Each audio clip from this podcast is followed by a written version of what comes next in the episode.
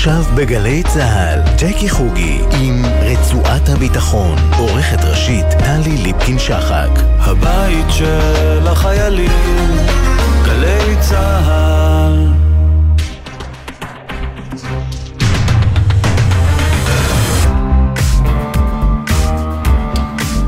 ערב טוב, רצועת הביטחון של יום שלישי. בזמן שרבנו עם עצמנו, איחוד האמירויות מתקרבת לסוריה. סעודיה כבר למדנו לאיראן, סין נכנסת כשחקן מדיני לאזור, וגם זה קרה היום. מצרים העניקה ויזות לתיירים איראנים שרוצים לבקר בסיני. זה כבר לא שתי מדינות שהן מחממות יחסים, זה הרבה יותר. האם הגוש הסוני עומד בפני הפשרה רבתי ביחסים שלו עם המחנה האיראני? את זה נבחן עוד כמה דקות. המחאה בישראל וההפגנות והחקיקה המוצעת כל אלה לא עברו לידידינו הערבים ככה סתם מתחת לרדאר, הם עקבו אחרי זה בתשומת לב רבה, חלקם גם בחשש. מיד נשמע מה הם ראו ומה חשבו. אבל פותחים עם לבנון. חסן נסראללה רוצה להגיד משהו חשוב לאמריקאים שצריך מאוד לעניין גם אותנו, והוא עושה את זה בשפה שהוא יודע הכי טוב. אתם על רצועת הביטחון בגלי צה"ל, מוזמנים להישאר איתנו בחצי השעה הקרובה. מרחיקים לבוסטון עכשיו. ערב טוב לדוקטור דניאל סובלמן. אהלן ג'קי. מומחה לחיזבאללה והציר השיעי מהאוניברסיטה העברית. אתה בשנת שבתון עכשיו, עמית מחקר בבית הספר על שם קנדי בהרווארד. אני רוצה לנסות להבין איתך אם אה, נסראללה מנסה לאותת לנו משהו בימים האלה, מעבר ללשון הבוטה הידועה שלו. קודם בוא נשמע קטע מדבריו בנאום האחרון שלו לפני כמה ימים, אחר כך נרחיב. הנה. ואני אקול לכם, אי اعتداء صهيوني على لبنان عسكري أو أمني أي اعتداء يطال أي منطقة في لبنان ويطال أي إنسان متواجد على الأرض اللبنانية سواء كان لبنانيا أو فلسطينيا أو من جنسية أخرى المقاومة سترد عليه قطعا وسريعا אז אומר אה, מנהיג חיזבאללה, כל תקיפה ציונית על לבנון, צבאית או ביטחונית, בכל מקום, נגד כל מטרה או כל אדם, לבנוני או פלסטיני או בעל אזרחות אחרת, נגיב עליה באופן מהיר ונחרץ. קודם כל, דני, הקשר לפלסטינים, ממתי הוא מגן על הפלסטינים? אה, קודם כל, אה, הקשר עם הפלסטינים אה, הוא ארוך שנים, אם אתה זוכר בתקופת אינתיפאדת אל-אקצא, לפני 20 שנה ויותר, חיזבאללה היו מעורבים גם באינתיפאדה, בשלב מסוים היו משהו כמו 60 או 70 חוליות פלסטיניות בגדה, בעזה, שקיבלו הכוונה, סיוע, כסף, סיוע טכנולוגי מחיזבאללה. אמ, ככה שזה לא, לא משהו חדש. אמ, אני חושב שגם האיומים שלו עכשיו, אמ, האיום שאתה השמעת, זה גם לא, לא חריגה מדפוסי הפעולה או מכללי המשחק אה, מולו כפי שאנחנו מכירים אותם לאורך שנים. אוקיי, okay, אבל פיגוע אה, מגידו... פיגוע מגיד הוא בהחלט אה, חריגה מהמדיניות שהוא התווה לעצמו בשנים האחרונות, נכון? פעיל של חיזבאללה מסתנן לכאן, נכנס לעומק הארץ, מניח מטען שרוצה להרוג כמה, אה, הוא פצע נהג חולף, אה, מה שהיה גורר את ישראל לתגובה בוודאי. מה קרה פתאום? הוא רוצה מלחמה? לא, אני לא חושב שהוא רוצה מלחמה. אני בטוח שהוא לא רוצה מלחמה. אני חושב שמה שקורה הוא, א', הוא כנראה תופס אותנו, אה, בצדוק או שלא, אבל זו הנחה שהיא מסוכנת אה, לדעתי. אה, כמי שעכשיו נמצאים עם יד אחת קשורה מאחורי הגב, בגלל ה... כל מה שקורה ב- בישראל, כל האירועים הפוליטיים וה... אה, והסיטואציה באמת חסרת תקדים שאנחנו נמצאים בה. אז הוא חושב שאנחנו נהיה מוגבלים, מרחב התמרון שלנו מולו יהיה מוגבל. אה, זו הנחה שהיא אה, עלולה אה, להיות משחק באש לדעתי מבחינתו. דבר שני, מאוד מאוד יכול להיות שהוא מאותת לנו, ועל זה אני אומר על סמך האזנה לנאום שלו מה-16 בפברואר, שהוא בעצם מאותת לנו ומאותת לאמריקאים שאם אתם לא תסייעו ללבנון כלכלית, אני מוכן להתחיל להציק לכם ואני מוכן להסתכן בהסלמה מולכם. בגלל שלבנון זה, זה משהו שכמעט לא מקבל תשומת לב אה, בישראל.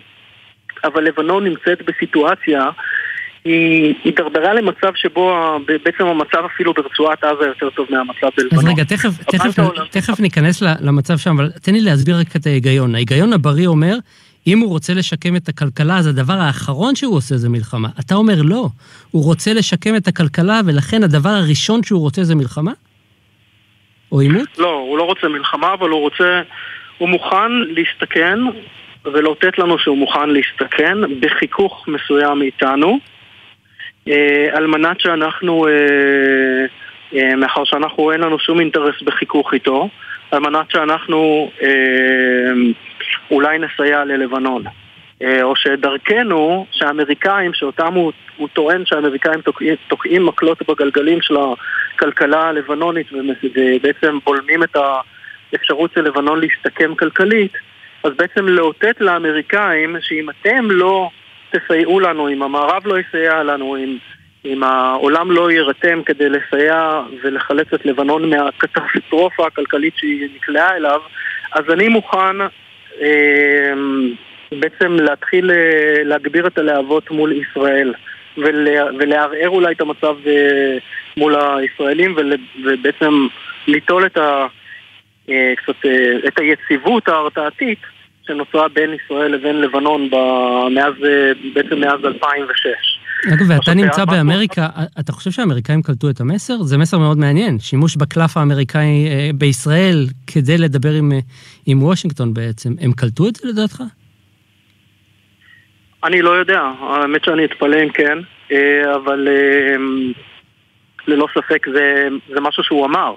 כלומר, בנאום שלו הוא בעצם הזהיר את האמריקאים, הוא אמר, אם אתם, אה, אם אתם לא תבטמו, אם אתם אה, תמשיכו, אני אגב, אני לא יודע אם, זה, אם האמריקאים באמת מחבלים בכלכלה הלבנונית, אבל הוא בעצם מאותת להם, אם אתם תמשיכו לעשות את הדבר הזה, אז אני מוכן אה, להכאיב לכם במקום שכואב לכם, וזה אצל מה שהוא קרא, הבת החורגת שלכם ישראל, ככה הוא כינה אותנו. וזה בעצם אה, שימוש אה, באיזה מנגנון אה, לחץ עקיף, שבו בעצם אין לו לברד ישיר על האמריקאים, אז הוא מאיים איפה שהוא יכול לאיים. הוא יכול לאיים עלינו בראייתו, בגלל שנוצרה הרתעה הדדית בין ישראל לבין חיזבאללה ברמה אסטרטגית, והוא תופס את המצב ככזה שהוא יוכל בעצם אה, אה, להתחיל להגביה את גובה הלהבות מולנו, מול ישראל, ואנחנו נרתע מלהיכנס איתו לחילופי מהלומות מעבר ל, לרף מסוים. אוקיי, אחרי שאמרנו את כל זה, כמה גרוע המצב בלבנון? כן. המצב בלבנון הוא קטסטרופלי, אבל לפי אה, דוח של, ה, של הבנק העולמי, אה, מלפני כמה חודשים, אה, לבנון נמצאת בקטסטרופה הכלכלית השלישית בחומרתה מאז 1850. אתה מדבר עם אנשים שחיים בלבנון, ו... הסיפורים נסובים סביב חיי היום-יום שם, שזה פחות או יותר להסתובב עם ג'ריקנים ולעמוד בהרבה מאוד תורים של, uh, של הדברים הכי בסיסיים שיש. כלומר, איך אתה משיג דלק, איך אתה מתדלק את האוטו שלך, איך אתה משיג חשמל. Um, ערך, ערך המטבע הלבנוני בעצם כבר לא שווה כלום בעצם. ואני חושב ש... אני, אני חושב שהסיטואציה בלבנון, לבנון זה הדבר הראשון שמעניין את אה, נסראללה. היא בראש סדר העדיפויות שלו. ואנחנו צריכים, אה, צריכים להכיר בזה לדעתי, בגלל שכל השנים האחרונות אנחנו רואים שהוא לא מוכן לסכן את לבנון, לא בשביל האיראנים ולא בשביל הסורים, הוא לא... וגם לא בשביל הפלסטינים. יש גבול כמה הוא מוכן להסתכן, באמת לפתוח את המטריה ההרתעתית הזאת ולהרחיב את ההרתעה שהוא ביסס מולנו ולהשתמש בה על מנת להרתיע אותנו, את ישראל, לבל אה, למשל נהרוג איראנים בסוריה, לבל אה, נתקוף אה, בפעולות מה... אוקיי, אז אני אשאל אותך, אז תרשה לי, אנחנו מתקרבים לסיום, דני, ואני אשאל אותך, בעצם שאלה שסוגרת את כל הסיפור הזה. אתה רואה איזה תסריט בגלל המצב הקשה שאתה מתאר כרגע, שממשלת לבנון מגששת את ה... או תגשש את הדרך לשלום עם ישראל, כקרש הצלה כלכלי? אני, אני מתקשה מאוד להאמין, קשה מאוד להאמין שלבנון אה, אה, נמצאת ב... ש, שמדינת לבנון בלבנון בעצם חיזבאללה הוא השחקן הכי חזק היום. ואם לפני 20 שנה היינו בסיטואציה שבה נסראללה בצורה אפולוגטית למטה צריך אה, להסביר שאו-טו-טו, אם סוריה וישראל מגיעות להסכם שלום, אז אני אה, אצטרך להילחם בנורמליזציה עם ישראל, ואני אלחם בתיירות בישראל ובהשתלבות של ישראל במרחב. אנחנו נמצאים במרחק של עולמות מהסיטואציה הזאת. Okay. אוקיי. כרגע, אה, כרגע המצב הוא שלבנון נמצאת באמת בהיגמוניה של חיזבאללה בגדול. דוקטור דניאל צובלמן, תודה רבה לך. תודה לך, ג'קי.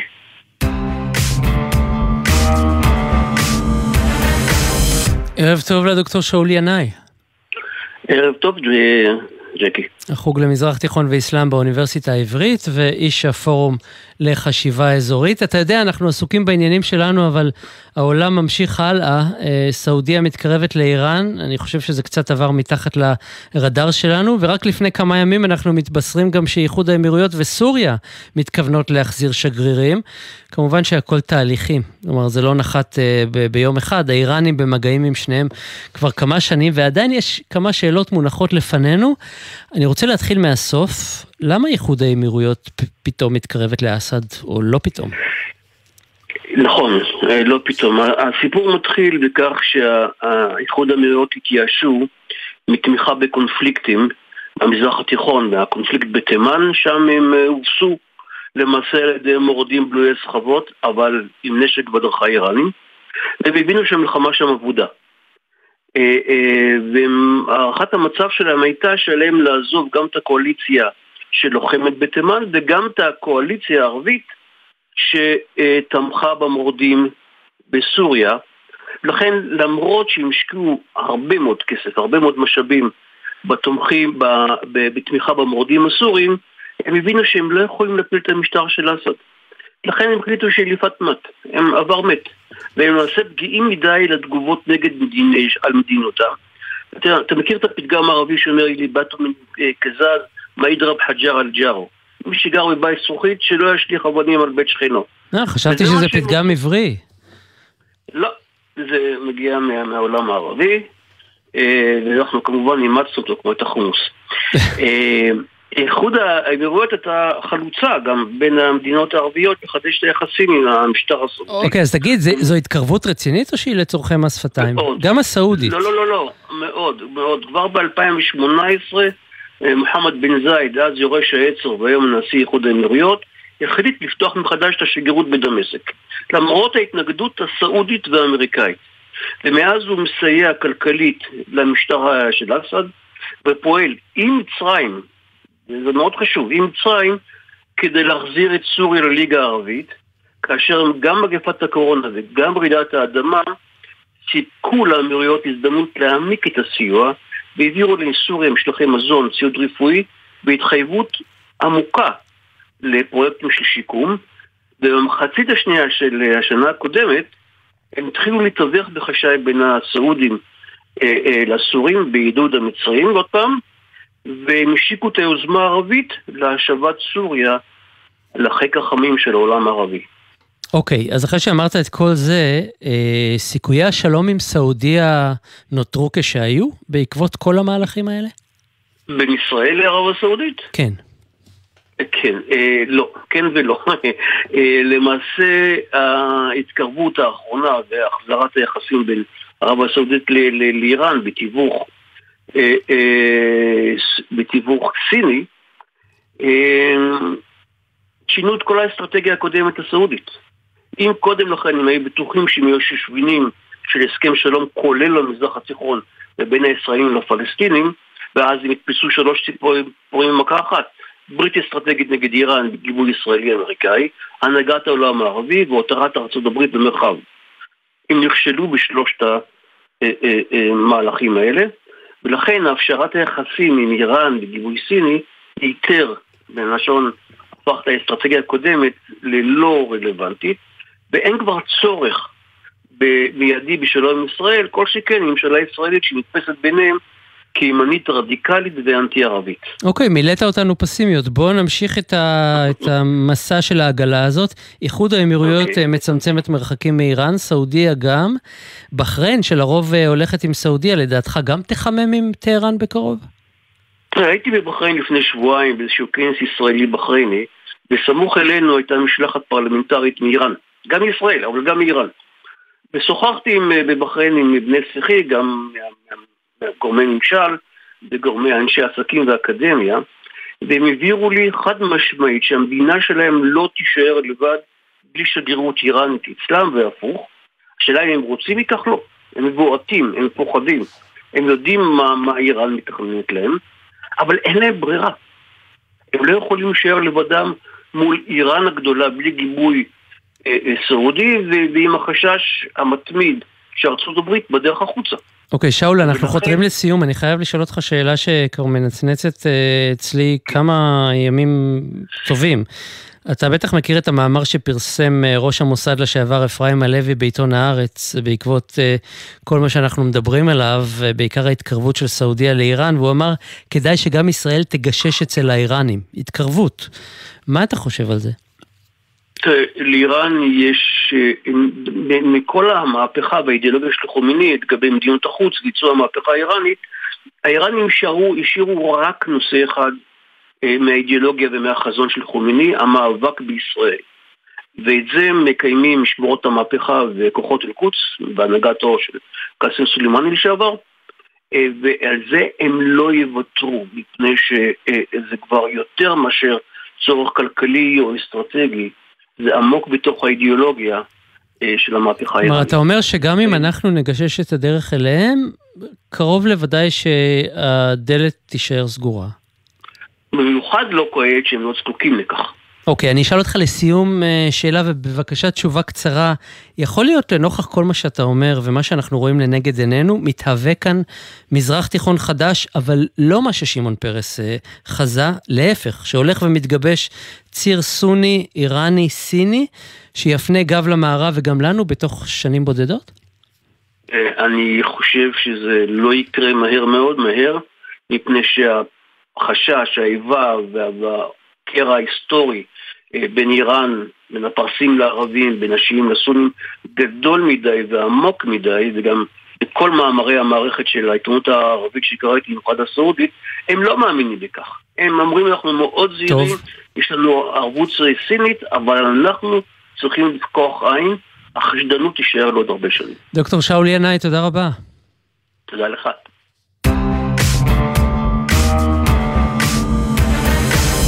מדינות ערב צפו במה שהתרחש כאן בשבועות האחרונים, כמובן שהציר האיראני התפלל שניפול, שיהיה להם לבריאות, אבל מה עם ידידינו? האמירויות, סעודיה, ירדן, מרוקו, מצרים, איך הם ראו את המחאה הסוערת אה, בישראל? שלום לדוקטור רועי קיבריק. שלום רב, ג'קי, שלום רב. מנהל המחקרים במכון מתווים ומרצה במכללת עמק יזרעאל. אתה ופרופסור אלי פודה מפרסמים השבוע מאמר באתר מאקו. בנושא הזה בדיוק מונים את הזירות אחת לאחת. בואו נעשה את זה אה, מסודר. מי הזירה שהכי מוטרדת אה, להבנתכם ממה שקרה או קורה בישראל?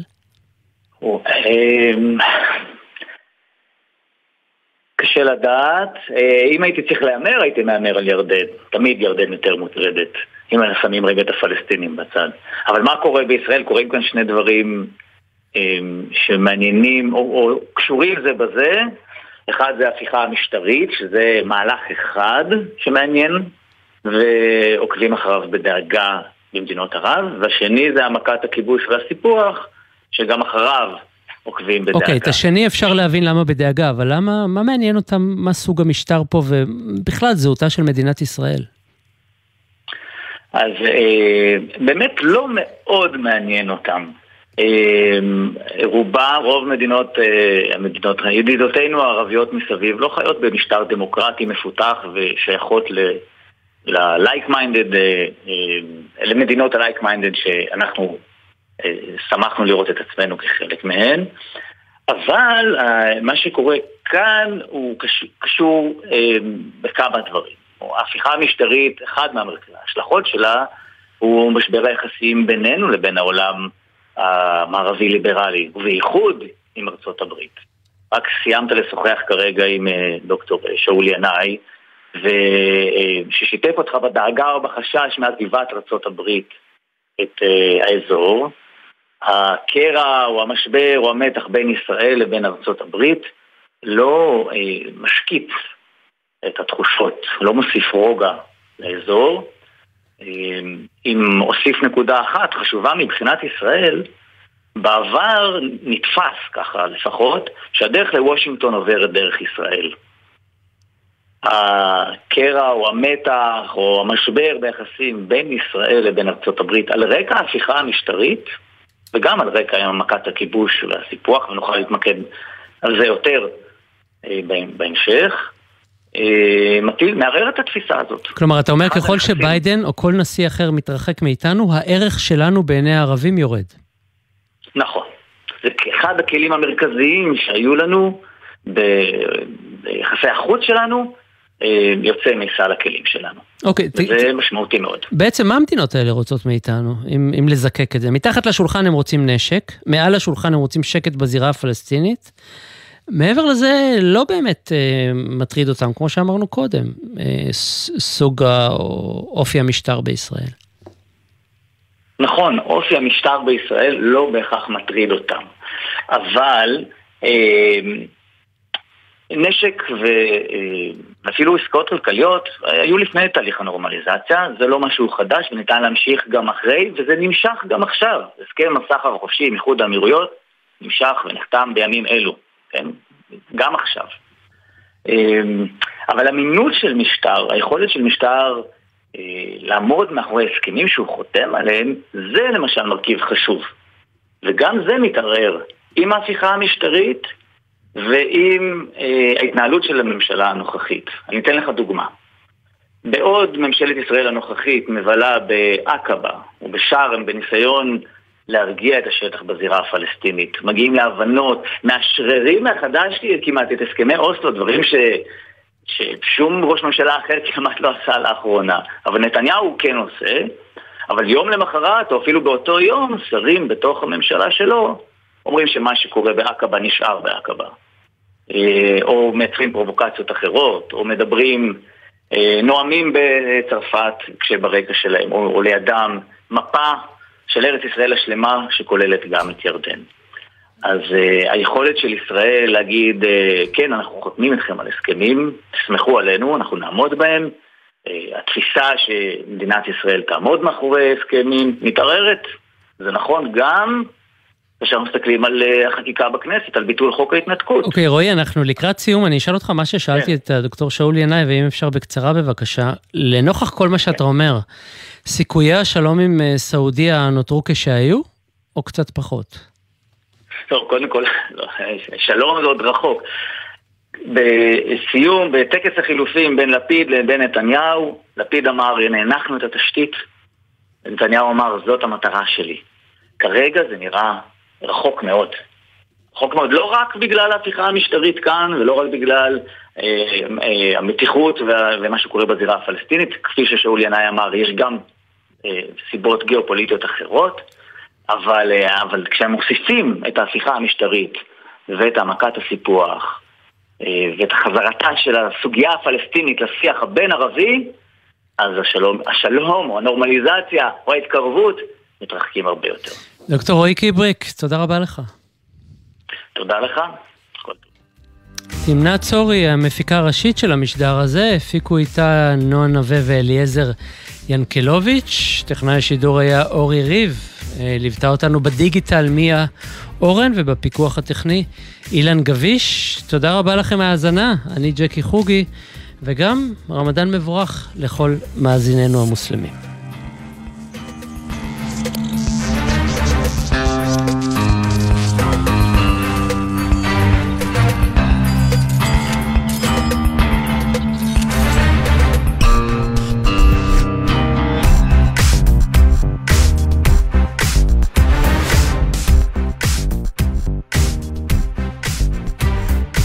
בחסות כל מוביל, היבואנית הרשמית של יונדאי, מיצובישי, אורה, מרצדס וג'נסיס, המציעה מגוון מסלולי קנייה מותאמים אישית, לפרטים כוכבית 3862. בחסות אייס, המציעה מבצעים לחג, גזיבו מעוצב, שלושה מטר רבוע, במחיר 777 שקלים. כמה נחמד לשבת בחוץ. המבצע בסניפי אייס. בחסות פארמטון, מולטי ויטמין שוויצרי, שנבדק במחקרים קליניים, המציע שיפור ברמת האנרגיה במשך כל היום. פארמטון, להשקיע בעצמך, כמוסה אחת ביום.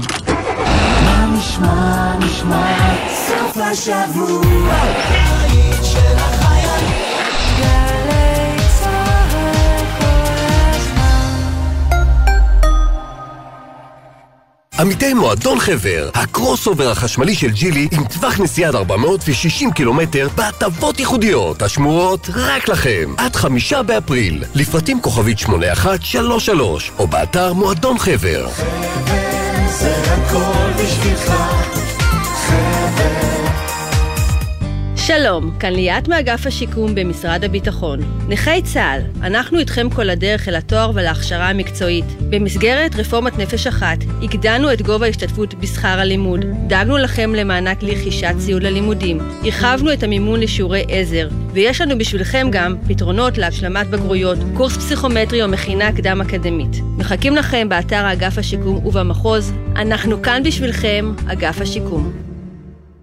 מטפלים באדם עם ירידה עקרנית, קוגניטיבית? אינכם לבד. עמותת עמדה, המסייעת לאנשים עם כיהיון, דמנציה ולבני משפחותיהם, עומדת לרשותכם בכל שאלה, בקו החם, כוכבית 8889. חברים, כאן גבי אמרני.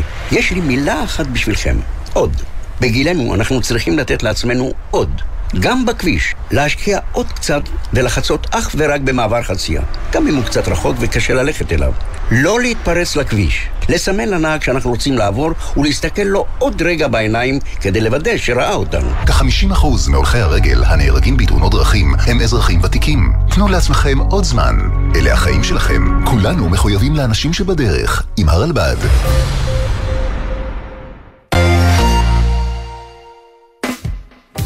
שלום, כאן יואב גינאי.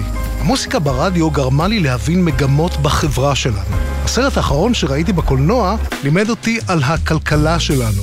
והצגת התיאטרון האחרונה שעלתה לחצה לי על הנקודות הכי בוערות במדינה. כי זוהי תרבות, המראה הכי חדה לחיים שלנו.